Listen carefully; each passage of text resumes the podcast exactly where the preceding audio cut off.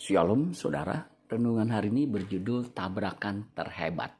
Lukas 22 ayat 42 sampai 44. Ya Bapakku, jikalau engkau mau, ambillah cawan ini daripadaku, tetapi bukanlah kehendakku, melainkan kehendakmu lah yang terjadi.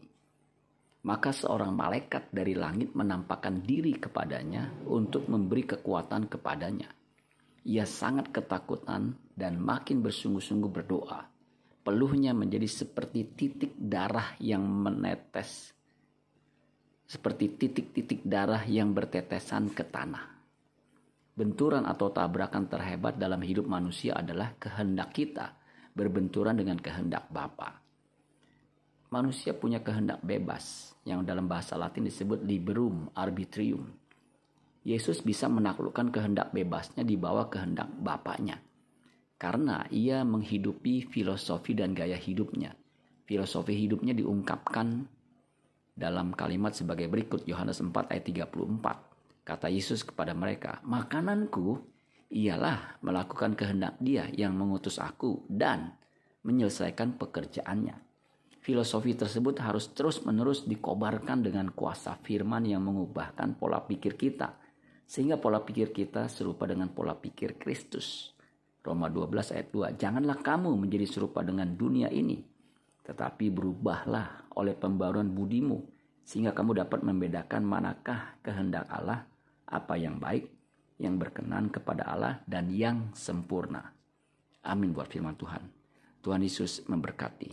Sola Gracia. Shalom saudara, renungan hari ini berjudul Tabrakan Terhebat. Lukas 22 ayat 42 sampai 44. Ya Bapakku, jikalau engkau mau, ambillah cawan ini daripadaku, tetapi bukanlah kehendakku, melainkan kehendakmu lah yang terjadi. Maka seorang malaikat dari langit menampakkan diri kepadanya untuk memberi kekuatan kepadanya. Ia sangat ketakutan dan makin bersungguh-sungguh berdoa. Peluhnya menjadi seperti titik darah yang menetes seperti titik-titik darah yang bertetesan ke tanah. Benturan atau tabrakan terhebat dalam hidup manusia adalah kehendak kita berbenturan dengan kehendak Bapa. Manusia punya kehendak bebas yang dalam bahasa Latin disebut liberum arbitrium. Yesus bisa menaklukkan kehendak bebasnya di bawah kehendak Bapaknya.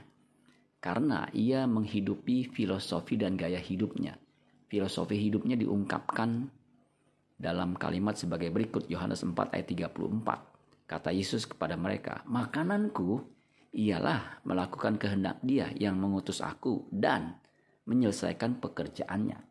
Filosofi tersebut harus terus-menerus dikobarkan dengan kuasa firman yang mengubahkan pola pikir kita sehingga pola pikir kita serupa dengan pola pikir Kristus.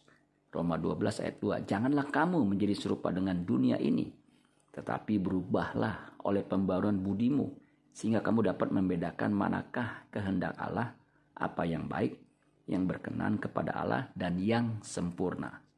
Amin buat firman Tuhan. Tuhan Yesus memberkati. Sola Gracia.